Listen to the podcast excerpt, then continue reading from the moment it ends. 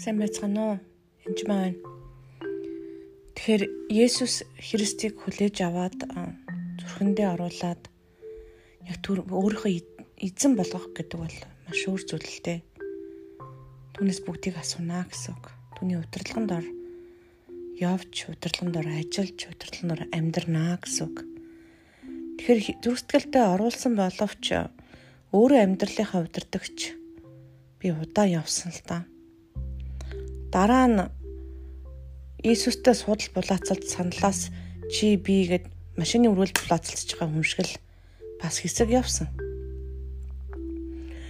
Ам зам хэцүү болоод хэцүү болохоор бурхан энийг удирдаараа мэ гэж өгчөөл гайг болохоор нь би энийг чинь чадна гэж урд дуур нь булааж аваад л явдаг байсан.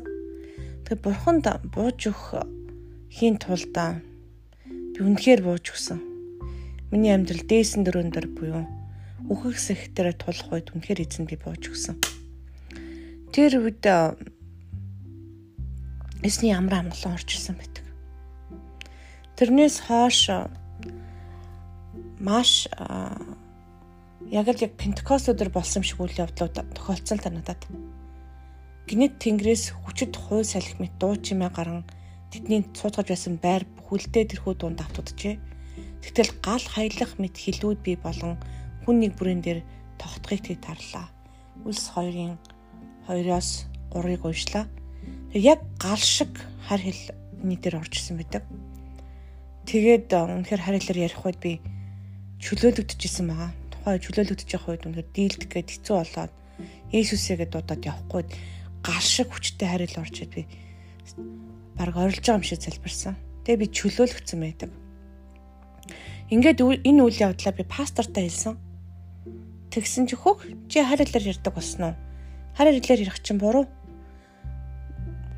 Баптизм одоо галан тийм баптизм гэдэг чинь урд уйдал болсон явдал. Ер нь харилаар ярьдаг хүмүүс бол буруу муу хүмүүс байдаг. Чи одоо тун сайн хүндээ энэ юм яагаад ингэж харилаар ярьдаг болчоо? Чөлөөлөгдөх хэрэгтэй гэтгсэн. Тэгээд намайг нэг ном унших гээд нэг ном уншуулсан. Нөгөө номыг уншиж байгаад би баг өвдөж өгөхөж гисэн. Би өөрөө харил харилнаас итгэдэггүй хүмүүс маш удаан харилаар ярихгүй байсан. Олон өөр бэлэг аваас байсан ч гэсэн би харилыг хүлээж аваагүй байсан л да. Тэр нь одоо чухал гэж вирусоо боддоггүй байсан. Харил өөрийгөө босгон байгуулдаг зүйл л та. Тэгээд сүнсээр дүүрэх явдлыг ч гэсэн би сайн мэддэггүй байсан. Тэгээд сүнсээр дүүрж ерөөсө баг ерөөсө унж үзээгүй унах ёсгүй гэж ямар ч олон хүн залбирж байхад би ундаггүй байсан л та.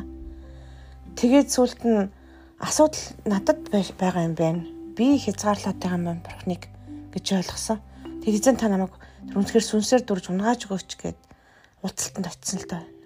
Очоод хилээд дуусаагүй хүн баг хүрээг багтал би унсан шууд халуу шатаад л орлоод ирсэн. Тэгэд үнэхээр сүнсээр дүүрч унах явдал бол хүчээр ч юм хүн түлхэж унгаадаг зүйл биш. Үнэхээр сүнсээр дурд унахад амар амгалан амар тайван болдог гоо. Би одоо орон дээр гэртээ ганцаараа ч гэсэн заримдаа сүнсээр дүрж ундаг. Эцэн хөрөх үед би шууд ганцаараа унах тохиолдол их байдаг. Тэгээд хүн хүрхээс нааш ундаггүй гэж бас зэрэг боддог л та. Пентекостийн өдөр хин нэгэн бие биентэй хүрээгүй штэ. Харин сүс тэр хүмүүсийг сүнсээр дүргсэн ба.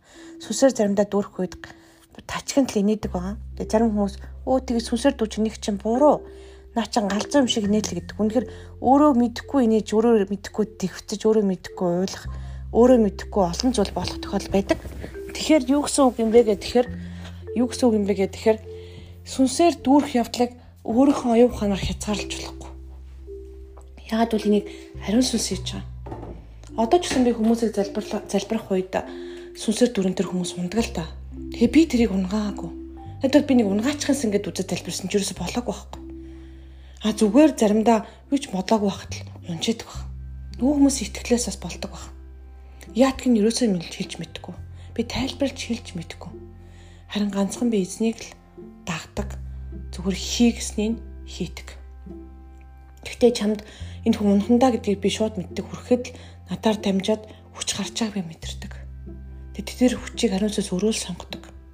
Зарим хүн залбирахад дундаг, зарим хүн залбирахад дундаггүй. Тэгээд эзний цаг бас байдаг бах гэж би боддог. Тэгээ би ч гэсэн хүн унгааж байгаа нөхөрө буруу гэж бодож шүүжсэн үе байдаг. Би тэрийгээ дараа нь химжсэн. Аа би юу ярина вэ гэд.